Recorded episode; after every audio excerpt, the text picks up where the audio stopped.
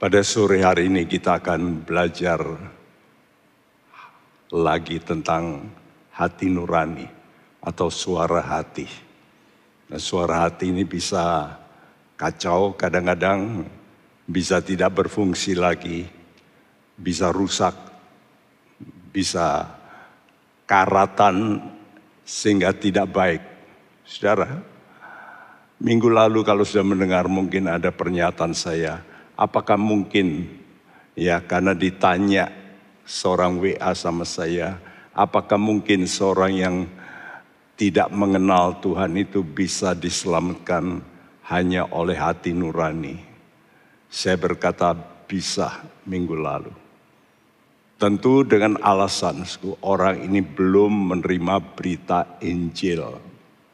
Orang ini mungkin hidupnya di tempat nun jauh di sana, tidak pernah ada orang menginjili, namun sego dia ingin hidup benar. Nah, saya katakan bahwa Yesus itulah kebenaran.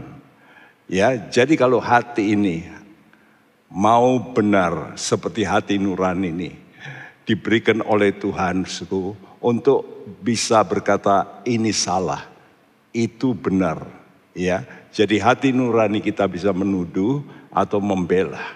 Nah, ha, tapi hati nurani kita ini bisa rusak. Oleh karena itu perlu di reset, dikembalikan ke titik nol, ya supaya bisa diulangi kembali kehidupan ini. Nah, kita tahu, sku, waktu manusia pertama dicipta, maka itulah zaman Adam, maka itu berlangsung kurang kurang lebih sudah 2500 tahun sampai pada zaman Musa itu disebut zaman hati nurani. Jadi manusia itu Tuhan kasih hati nurani. Tuhan cuma ngomong satu kata dalam kejadian pasal 2. Ini boleh, semua boleh, ini tidak boleh. Jadi boleh sama tidak boleh. Itulah hati nurani. Jadi hati nurani ini lalu mempertimbangkan sendiri boleh apa tidak ya karena Tuhan sudah kasih contoh-contoh tentang makhluk hidup tentang sudaku uh, matahari dan sebagainya supaya orang itu bisa menimbang sendiri. Nah, Bahaya daripada hati nurani yaitu tiap orang itu akan berbeda tentunya. Tergantung lingkungan di mana dia dulu lahir. Karena itu untuk memperjelas apa itu dosa, maka pada zaman Musa Tuhan memberikan yang namanya hukum Taurat. Nah, hukum Taurat inilah maka dosa itu mulai dinyatakan hitam di atas putih ini tidak boleh, itu boleh ya dan harus bahkan. Makanya kalau sudah baca dalam kitab perjanjian lama selalu berkata harus, harus, lan jangan, jangan. Itulah saman Torat. Namun setelah Yesus datang, Tuhan memberitahu bahwa Torat itu hanya bayangan saja. Realitanya itulah Yesus ya sebagai korban ya dikorbankan di Samantora domba, kambing dan sebagainya. Itulah diriku yaitu Yesus sendiri berkata. Jadi di zaman anugerah ini maka dosa itu dinyatakan juga melalui Roh Kudus, diinsafkan, tapi juga diberi jalan pengampunan. Dan bukannya diampuni, dibenarkan. Nah, ini yang beda, ya. Jadi kalau zaman Taurat memang juga ada pengampunan suku, tapi kalau dibenarkan itu setelah Yesus datang suku, maka kita ini mulai mengerti soal pembenaran di mana kita dibenarkan. Nah, saudaraku, jadi apakah mungkin orang yang tidak mengenal Yesus mungkin selamat kalau dia belum pernah mendengar berita tentang Yesus dan dia hidup memakai hati nuraninya. Nah, saudara, saya ulangi lagi bahwa ada tiga macam dosa yang perlu dibereskan. Ya, yang ada dosa yang belum kita lakukan, belum ya. Jadi ada dosa yang terbuka, itu artinya sudah dilakukan secara terbuka. Jadi disadari dan bahkan kadang-kadang wah diviralkan ya. Nah ini dosa semacam ini perlu cepat diakui ya supaya diampuni. Ini namanya zaman anugerah supaya bisa diselamatkan. Tapi ada dosa yang tersembunyi yang orang lain nggak tahu, tapi dia lakukan. Ini namanya secret sins. Bagaimana mengatasi? Minggu lalu sudah saya katakan, Tuhan itu memasang yang namanya tim viewer, yaitu hati nurani. Nah hati nurani mulai menuduh. Nah kalau kita menuduh, ya ini caranya bagaimana supaya bisa lebih cepat dituduh kalau kita suka cari wajah Tuhan. Kalau kita cari wajah Tuhan itu namanya roh kudus. Itu mulai menyinari kita. Sehingga cahaya Tuhan ini menyingkap dosa-dosa kita. Nah ini membuat kita cepat bisa sadar dan kita bisa minta ampun supaya perjalanan hidup kita jangan sampai terhambat. Namun yang ketiga, ini saya katakan virus dosa. Saudaraku, bakal, belum ya, bakal, saudaraku. Jadi ini belum dosa ini. Baru mengganggu pikiran dan sebagainya. Kenapa, saudaraku? Karena manusia itu punya kelemahan daging. Selama manusia hidup, dia tetap berada dalam namanya tubuh dosa. Dan dalam tubuh dosa inilah, saudaraku, diserang oleh roh-roh jahat. Ya. Dan roh-roh jahat ini memakai apa? Memakai dunia, yaitu memakai film, memakai tontonan yang amoral, itu supaya kita lalu bisa kena. Bayangin kalau orang lihat internet, itu membuangnya kadang-kadang lama. Apalagi dia sudah kecanduan, sulit untuk membuang. Ya, dan itu bisa mengganggu walaupun dia belum berbuat dosa namun di dalam dirinya dan rohnya itu ada gangguan terusku yaitu keinginan daging ini seolah-olah mau diterus ditingkatkan supaya mencapai dosa. Nah, ini berarti kalau terus virus itu datang imunitas kekebalan kesehatan rohani kita bisa menurun. Lalu kita dapat tercemar. Nah, oleh karena itu perhatikan, Sku. Walaupun kita ini hidup bukan pada zaman hati nurani. Itu dulu zaman hati nurani. Sekarang kita hidup dalam zaman anugerah.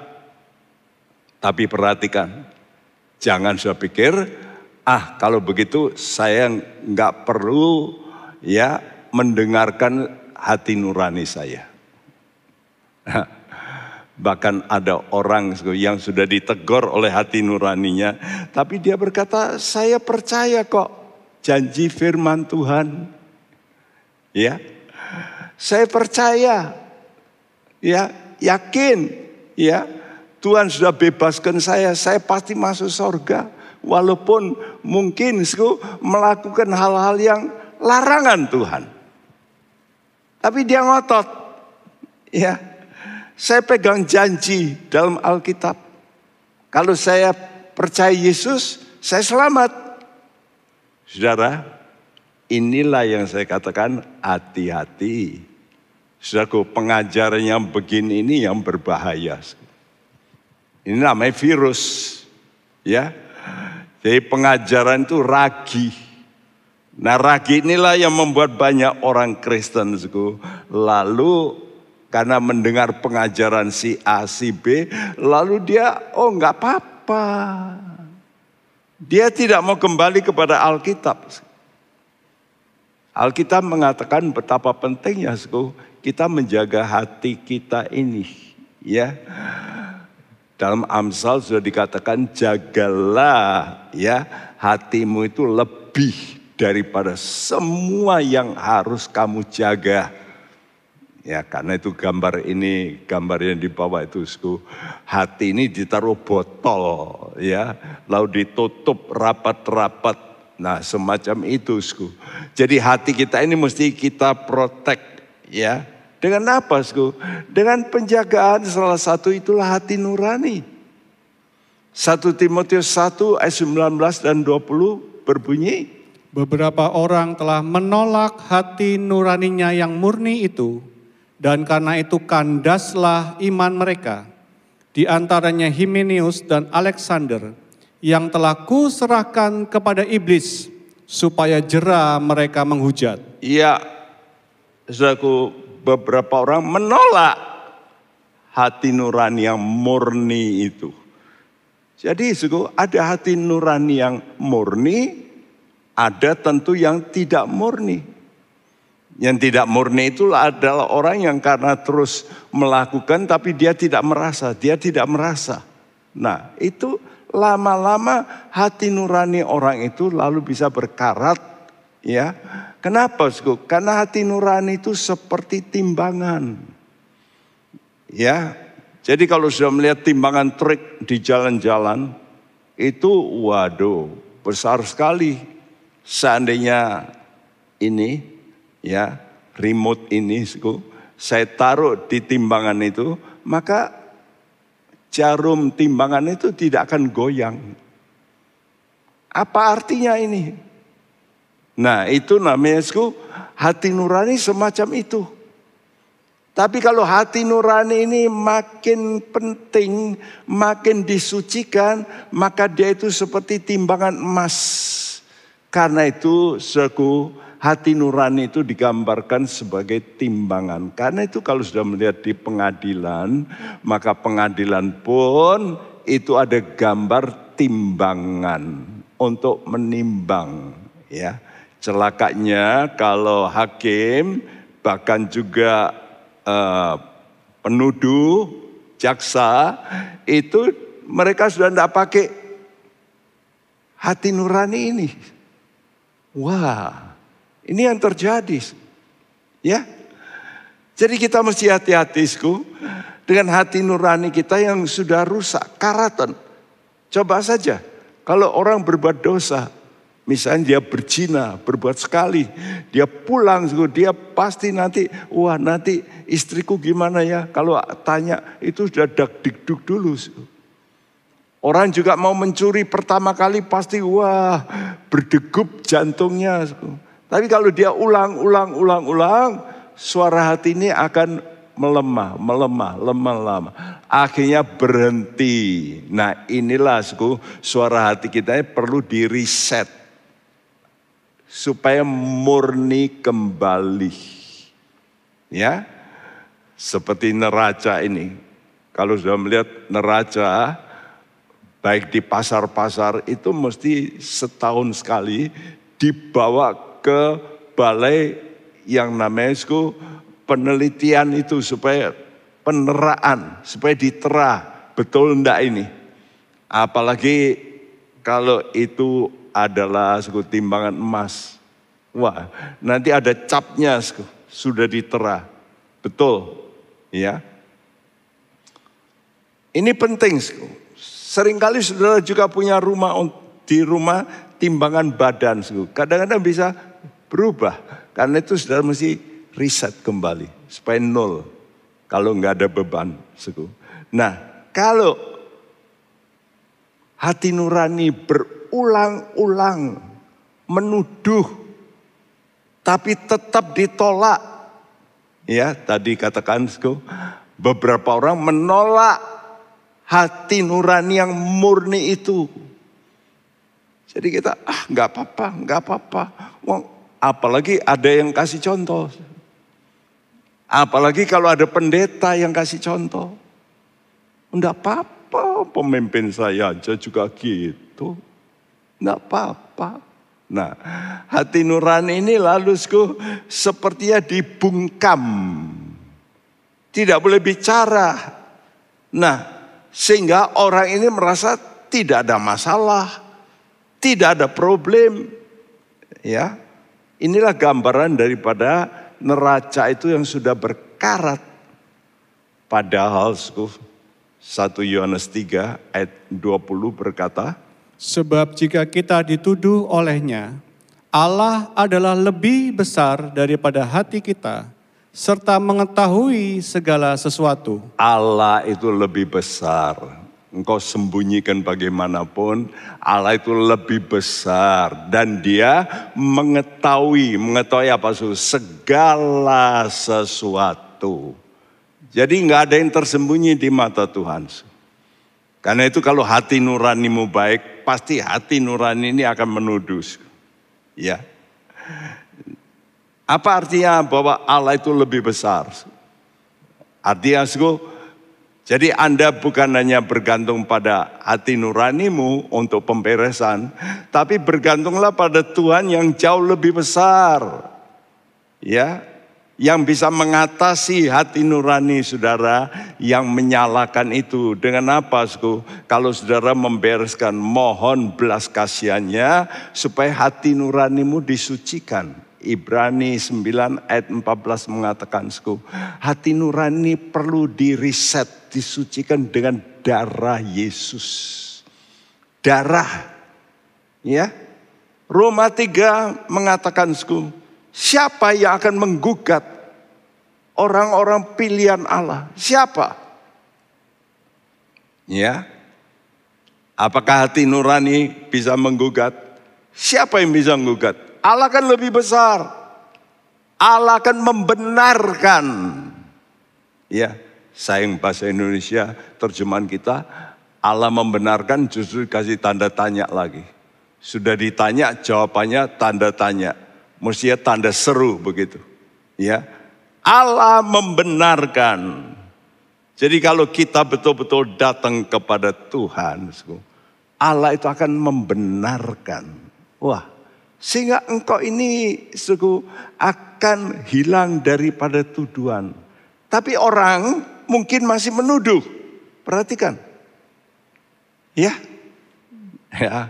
Karena Dosa tempo lama itu kadang-kadang masih diviral lagi. Orang itu sudah bertobat, sudah baik, tapi ketemu kawannya lo itu itu dulu. Wah. Nah, Allah kita lebih besar. Ya.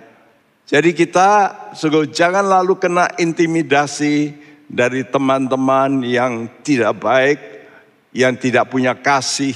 Mereka hanya suka menuduh, Nah itu membuat kadang-kadang orang, aduh kok jadi orang Kristen kok begini ya. Nah oleh karena itu kita ini mesti suka apa? Suka kita ini bersembunyi dalam satu namanya perlindungan yang kokoh. Kalau sudah kena serang, serangan, sudah mesti cepat bersembunyi.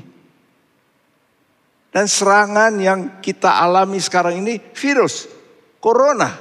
Wah, karena itu kita pakai masker dan sebagainya. Untuk apa? Untuk menjaga ya. Jadi kita memang harus mengerti itu. Karena virus ini berbahaya memang. Saudaraku, karena itu kita mesti sadar diri lah bahwa ada bahaya virus dosa ini selalu beroperasi. Ya, saya katakan roh itu seperti gelombang, selalu ada di mana-mana. Kenapa? Ya ada iblis di mana? Oh, iblis berkata beredar-edar. Benar tidak? Tapi kita mesti tahu tempat persembunyian kita. Sudah melihat di sini kelinci, mereka mempunyai tempat persembunyian di liang-liang. Apalagi terus ada ya sedikit sego belukar begitu. Supaya kalau ada binatang misalnya macan atau serigala, maka dia akan mesti cari makanan di luar. Dia melihat itu apa yang terjadi. Dia tidak diam. Oh iya gimana sudah terserah. Enggak dia cepat lari. Ke mana dia lari? Tempat persembunyian. Tuhan itu beri juga asku namanya ya hikmat kepada burung juga menyediakan rumahnya itu di atas pohon, lalu ada lubang di situ dan dia lalu bersarang di situ. Tinggal, tidak kena hujan dan sebagainya. Ya, jauh daripada serangan-serangan. Saudaraku, begitu juga kita. Kita ini perlu menjaga diri kita, suku, daripada kena serangan-serangan. Dan ingat, suku, apa yang sering kali justru timbul dalam hati manusia. Ya, siapa saja apa yang diakui oleh Paulus ini pasti ada pada kita. Ya, 2 Korintus 12 ayat 7 sampai 9. Dan supaya aku jangan meninggikan diri karena penyataan-penyataan yang luar biasa itu, maka aku diberi suatu duri di dalam dagingku, yaitu seorang utusan iblis untuk menggocoh aku, supaya aku jangan meninggikan diri. Tentang hal itu aku sudah tiga kali berseru kepada Tuhan, supaya utusan iblis itu mundur daripadaku. Tetapi jawab Tuhan kepadaku, cukuplah kasih karuniaku bagimu, sebab justru dalam kelemahanlah kuasaku menjadi sempurna. Sebab itu terlebih suka aku bermegah atas kelemahanku, supaya kuasa Kristus turun menaungi aku. Iya, diakui oleh Paulus dua kali di sini. Ya, dan supaya aku jangan meninggikan diri. Ayo, sudah mesti jujur. Apakah sudah tidak kena roh ini? Roh meninggikan diri Siapa yang tidak ya akan dalam hatinya akan muncul itu. Orang kalau sudah berhasil, baik dia sekolahnya, lalu titelnya tambah satu, dua, tiga. Saya tidak percaya kalau dia sih makin rendah hati. Tidak. Ya, coba orang yang dulu miskin, lalu dia kerja keras, lalu berhasil, ya. Coba, apakah dia tidak meninggikan diri? Pendeta, jangankan orang biasa, pendeta saja, saya juga harus mawas. Ya, tiap kali kalau khotbah saya baik dan orang wah tertarik, wah itu pasti ada terbesit. Ya, muncullah dalam tubuh dosa ini. Yang namanya meninggikan diri. Nah ini Paulus sudah bilang sama Tuhan, Tuhan mbok ini dicabut Tuhan. Tuhan kata no. Ya, duri ini, kelemahan ini loh. Aku kok bisa terganggu ini, coba dicabut. Kata Tuhan, no, aku tidak cabut. Walaupun sudah diminta tiga kali. Tapi apa kata Tuhan? Justru dalam kelemahanlah kuasaku menjadi sempurna. Jadi memang suku Tuhan izinkan tubuh kita ini lemah. Termasuk juga bisa sakit. Karena itu saudaraku, kalau orang sombong itu kadang-kadang Tuhan izinkan penyakit datang. Betul nggak? Supaya dia tidak bisa ini, tidak bisa itu.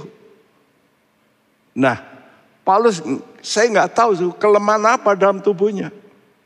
Ya. Tapi ada kelemahan. Tapi ini bukan harus penyakit, tidak.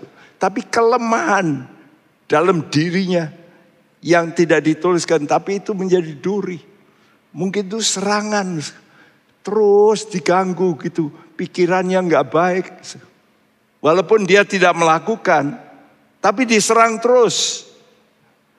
Nah ini kelemahan.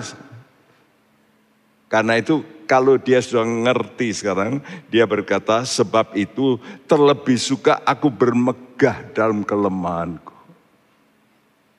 Aneh ya. Bersenang dalam kelemahan. Jadi megah. Ah, biarin saya lemah ini puji Tuhan. Luar biasa. Nah, jadi Roh Kudus bekerja sama dengan hati nurani kita ini supaya kita ini sadar siapa kita. Kalau kita bisa sadar diri kita lemah dengan mudah kita ini bisa merendahkan diri.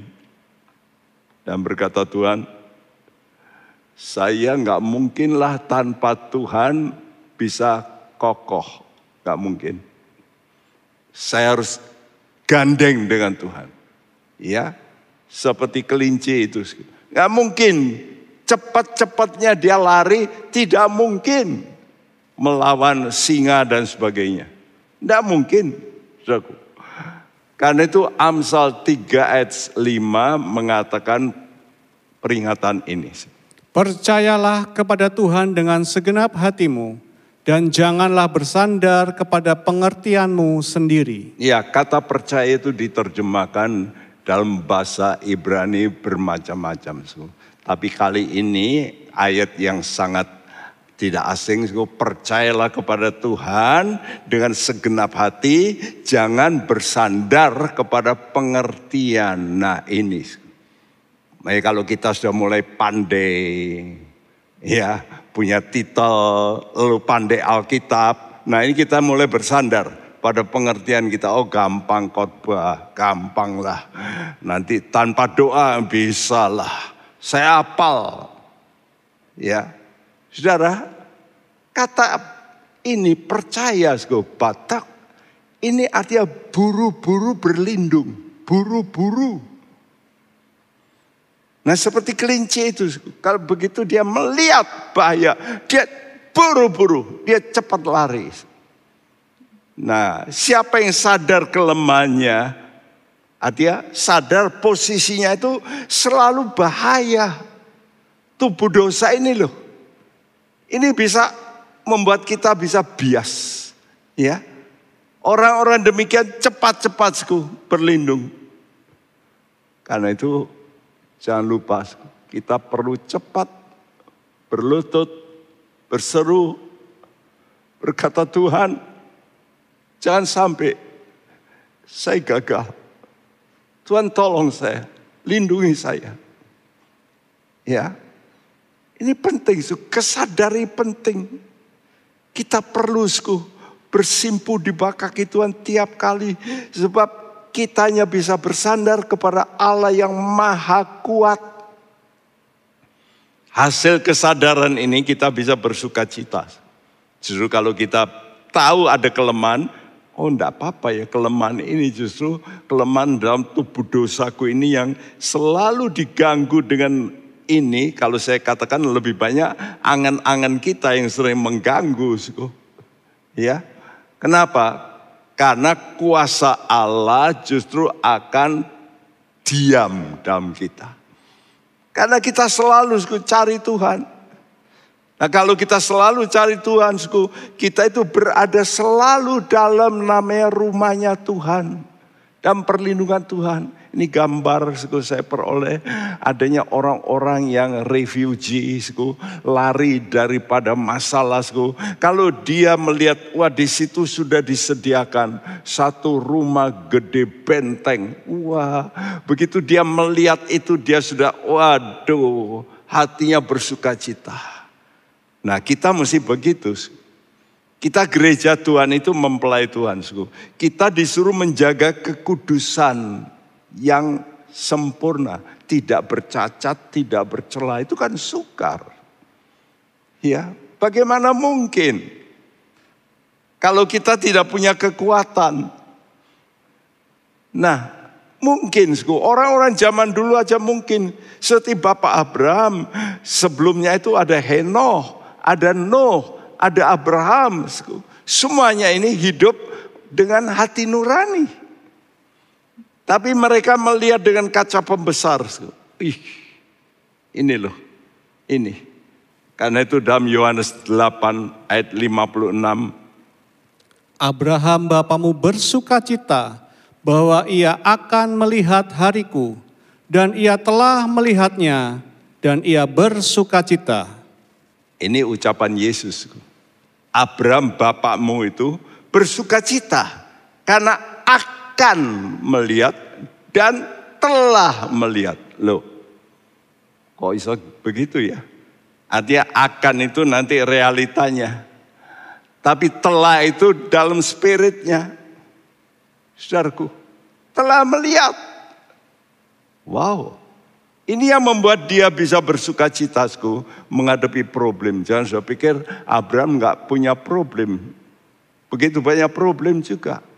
Ya, Ishak, apalagi Yakob. Begitu banyak problem. Tapi kenapa dia bisa kuat? Tentu ada sebabnya karena mereka bisa memandang ya janji-janji Tuhan dan ini kekuatan. Ada harapan, harapan itulah yang memberikan kekuatan yang dahsyat luar biasa. Puji nama Tuhan, suku.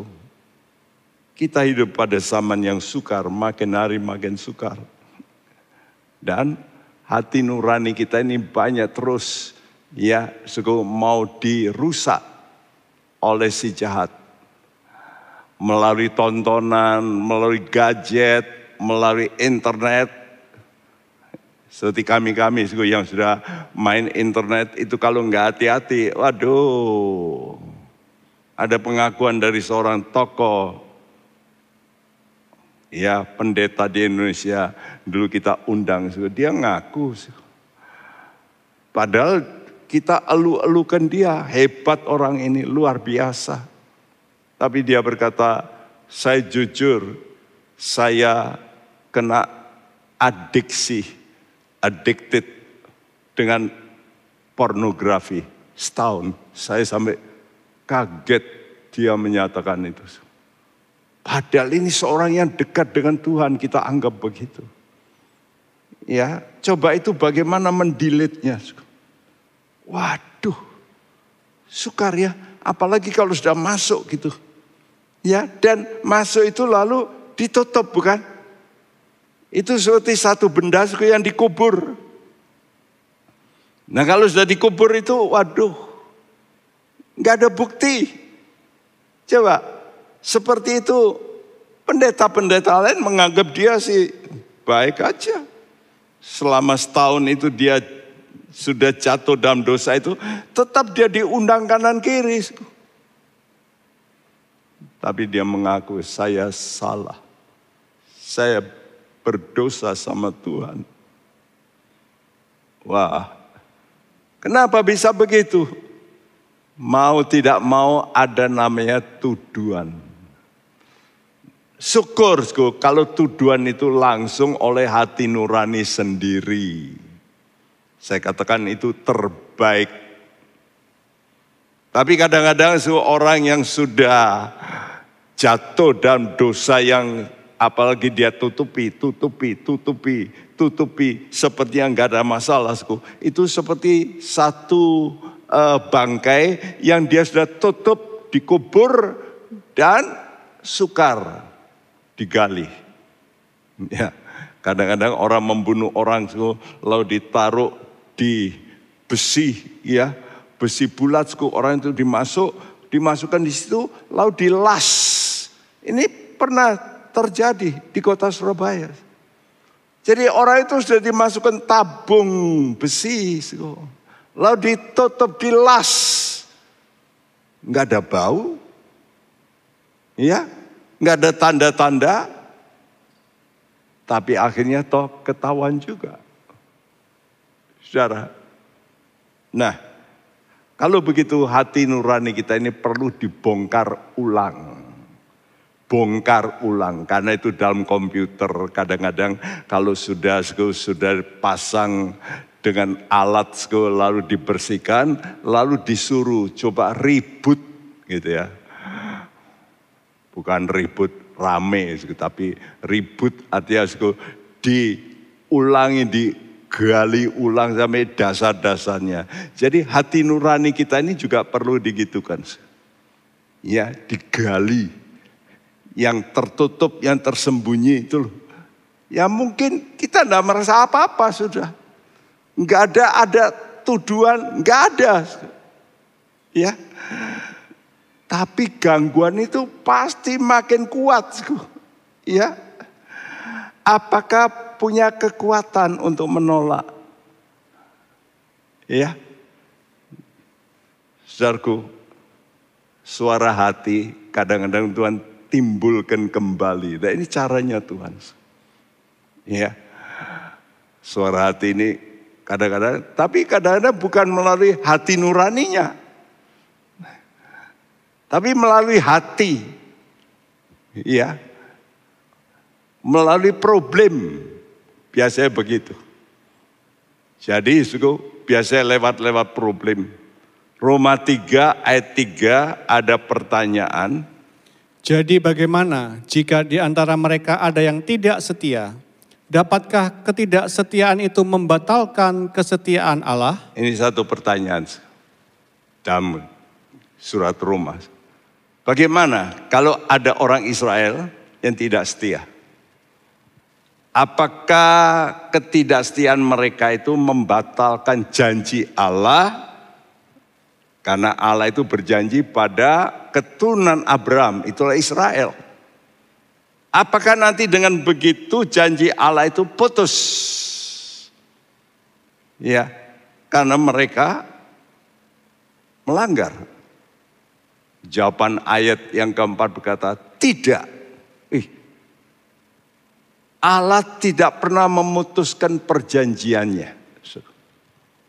Karena itu 2 Timotius 2 ayat 13 mengatakan, Jika kita tidak setia, dia tetap setia karena dia tidak dapat menyangkal dirinya. Kalau kita tidak setia, Allah itu tetap pegang janji. Walaupun kita ingkar janji. Wih, ini luar biasa.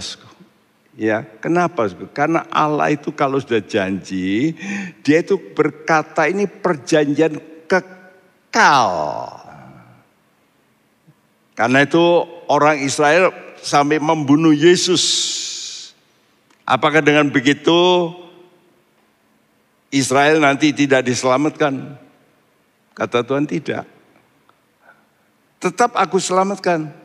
Tapi memang bukan orang-orang yang berdosa itu aku selamatkan.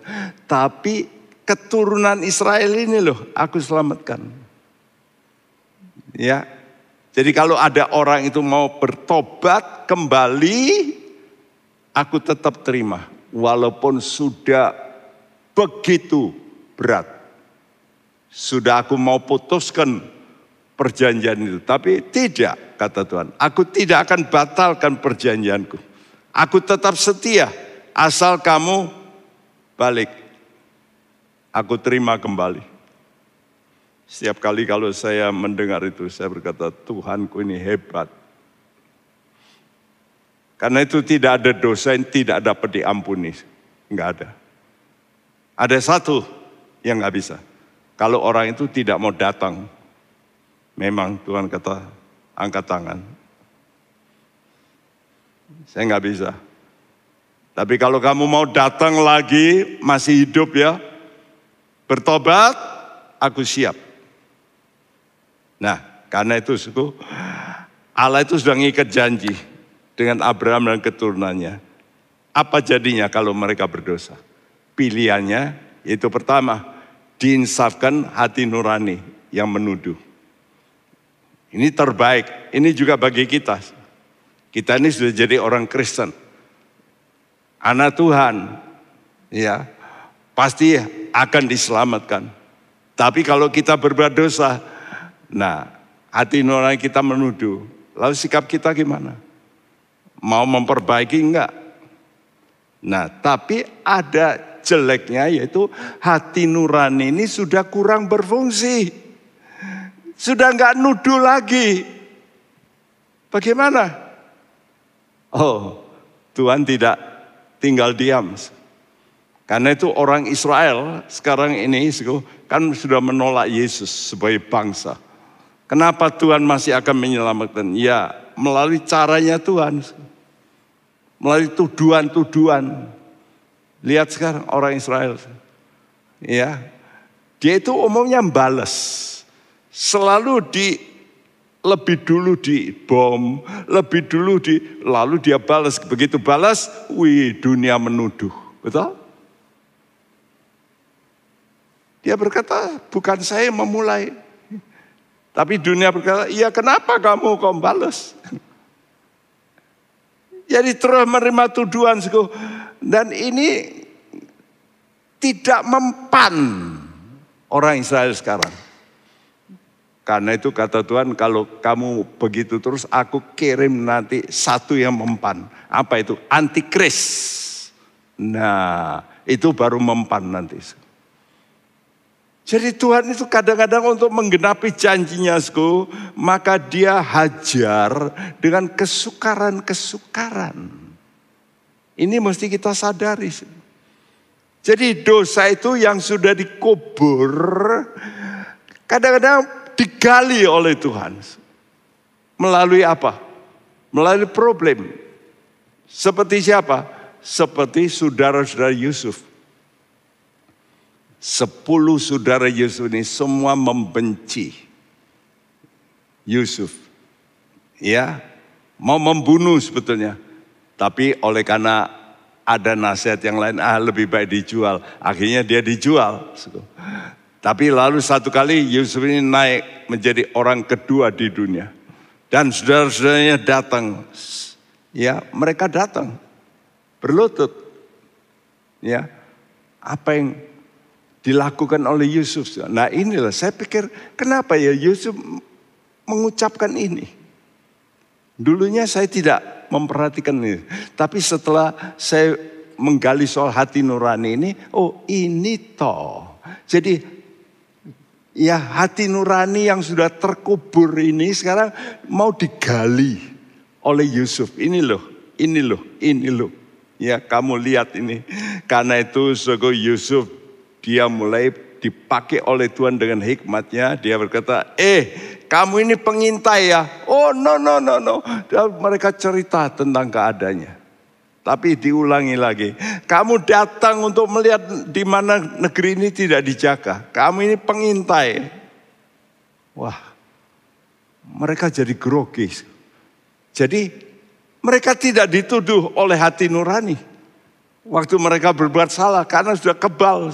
Sekarang Yusuf dipakai untuk menuduh. Ya. Jadi kadang-kadang sudah begitu ya. Kalau hati nuranimu itu sudah kebal, tapi karena saudara ada Tuhan ngikat janji.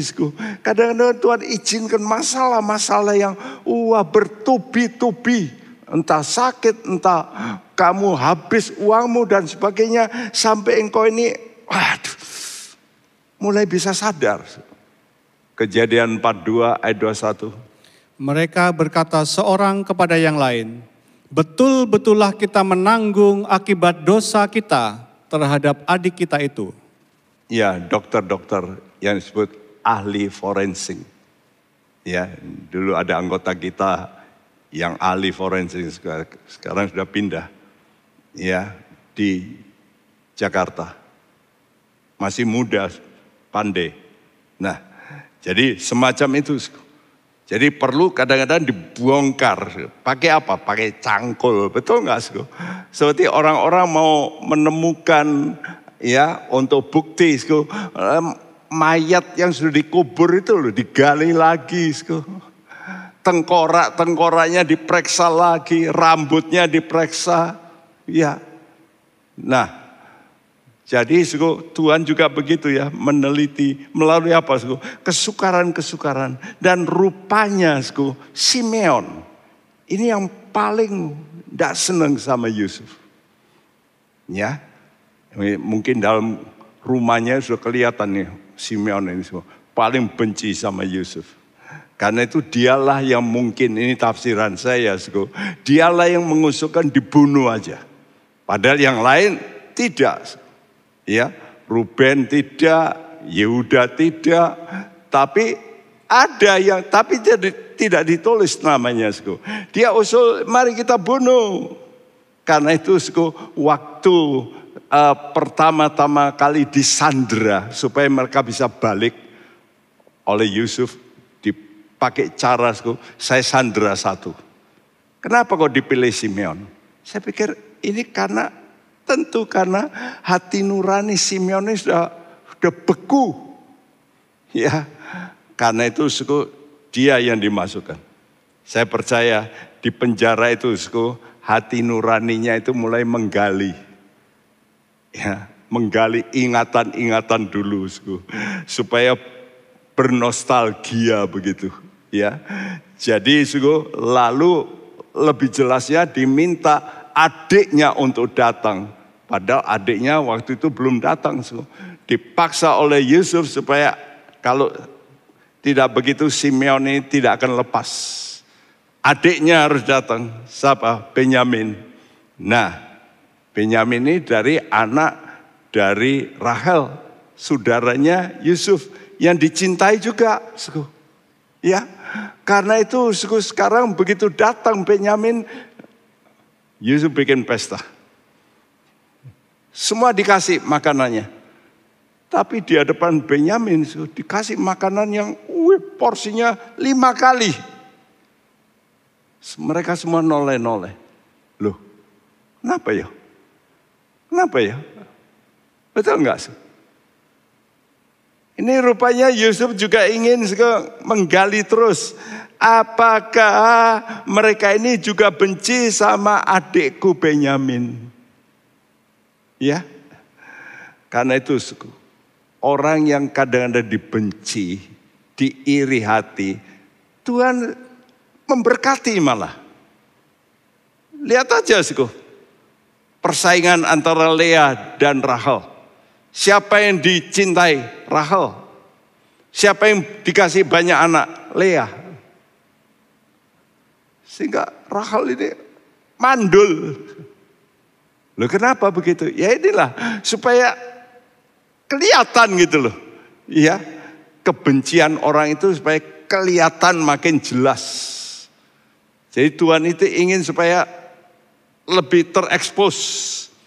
Karena itu kalau saudara dibenci orang, sebetulnya saudara, wah ini mungkin saya ini karena diberkati, lalu orang mulai benci sama saya. Karena itu Matius 5 ayat 10 sampai 12, ini saya potong-potong, tolong bacakan. Berbahagialah orang yang dianiaya, dicela, difitnah oleh sebab kebenaran. Karena aku, karena merekalah yang empunya kerajaan surga, upahmu besar di surga. Wow, jadi kalau saudara mengalami justru bullying dari orang, orang ngata-ngatain membuli saudara, saudara itu jangan patah hati. Saudaraku, rupanya saudara, wah ini ada maksud Tuhan. Ya, supaya Tuhan itu memberkati saya. Ya, ingat, saudara, Tuhan Yesus itu sebagai sahabat. Sebagai tim viewer kita. Mau mengangkat kita. Ingat-ingat ini. Jadi kalau ada problem-problem. Itu Tuhan itu ingin mengangkat kita. Ya. Karena itu dia izinkan roh kudus menerangi terus. Supaya kita terus diinsafkan, diinsafkan. Supaya kita bisa diubah Diubah apa? Dari kemuliaan kepada kemuliaan. 2 Korintus 3 ayat 18. Dan kita semua mencerminkan kemuliaan Tuhan dengan muka yang tidak berselubung. Dan karena kemuliaan itu datangnya dari Tuhan yang adalah roh, maka kita diubah menjadi serupa dengan gambarnya dalam kemuliaan yang semakin besar. Kita diubah menjadi serupa dengan gambarnya dengan siapa, Sku? Dengan Yesus. Jadi kita ini diproyeksikan oleh Tuhan, Sku. Akan diubah pelan-pelan, From glory to glory. Makin dikuduskan, makin disucikan, makin disucikan. Supaya kita ini makin cemerlang, makin indah. Karena itu, saudaraku, kalau saudara ada masalah, ya Pertama, kalau hati nuranimu yang cepat menuduh, itu terbaik. Cepat engkau bereskan. Tapi kalau ada masalah, hati nuranimu sudah kurang bisa bekerja, Allah akan beri masalah. Supaya apa? Supaya hati nuranimu terkuat. Ya, seperti karat-karat itu perlu disingkirkan gitu, dibersihkan. Seperti dulu meriam di sini, ditanam di bawah ini, ketemu ya tiga ratusan tahun ada itu meriam zaman VOC. Waktu diangkat, wah penuh dengan kotoran, lalu dibersihkan. Sekarang dipasang di museum. Ya, dari situ lalu kelihatan ada label Alpha Omega. Uh, Gereja kita waktu itu sudah memakai nama Alpha Omega. Wih, wali kotanya sampai heran ya. Kok bisa ya? Gerejanya pakai nama Alpha Omega, sekarang dapat meriam yang namanya Alpha Omega. Wah ini, wah ini betul untuk gereja. Langsung diteken oleh wali kota. Lihat, Tuhan kadang-kadang perlu menggali yang terkubur Tuhan itu ahli untuk menggali, mengungkapkan supaya kita bisa disucikan kembali. Karena itu mari kita mohon Tuhan, kalau begitu saya mau datang kepadamu. Sucikan kami Tuhan, oleh darahmu Yesus. Karena itu perlu pengakuan. Sampai kepada penggalian itu lalu sudah ingat dulu, tempo dulu sudah terlupakan. Sama seperti saudara-saudara Yusuf. Betul-betul kita ini salah. Nah pengakuan itu yang membuat Yusuf menangis. Dia cepat-cepat masuk, dia nangis di situ.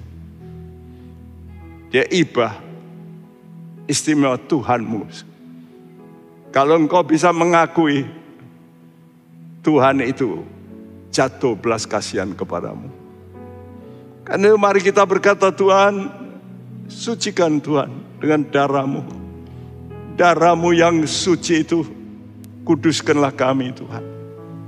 Jadikan kami jadi baru kembali. Haleluya. Kita nyanyikan pujian ini.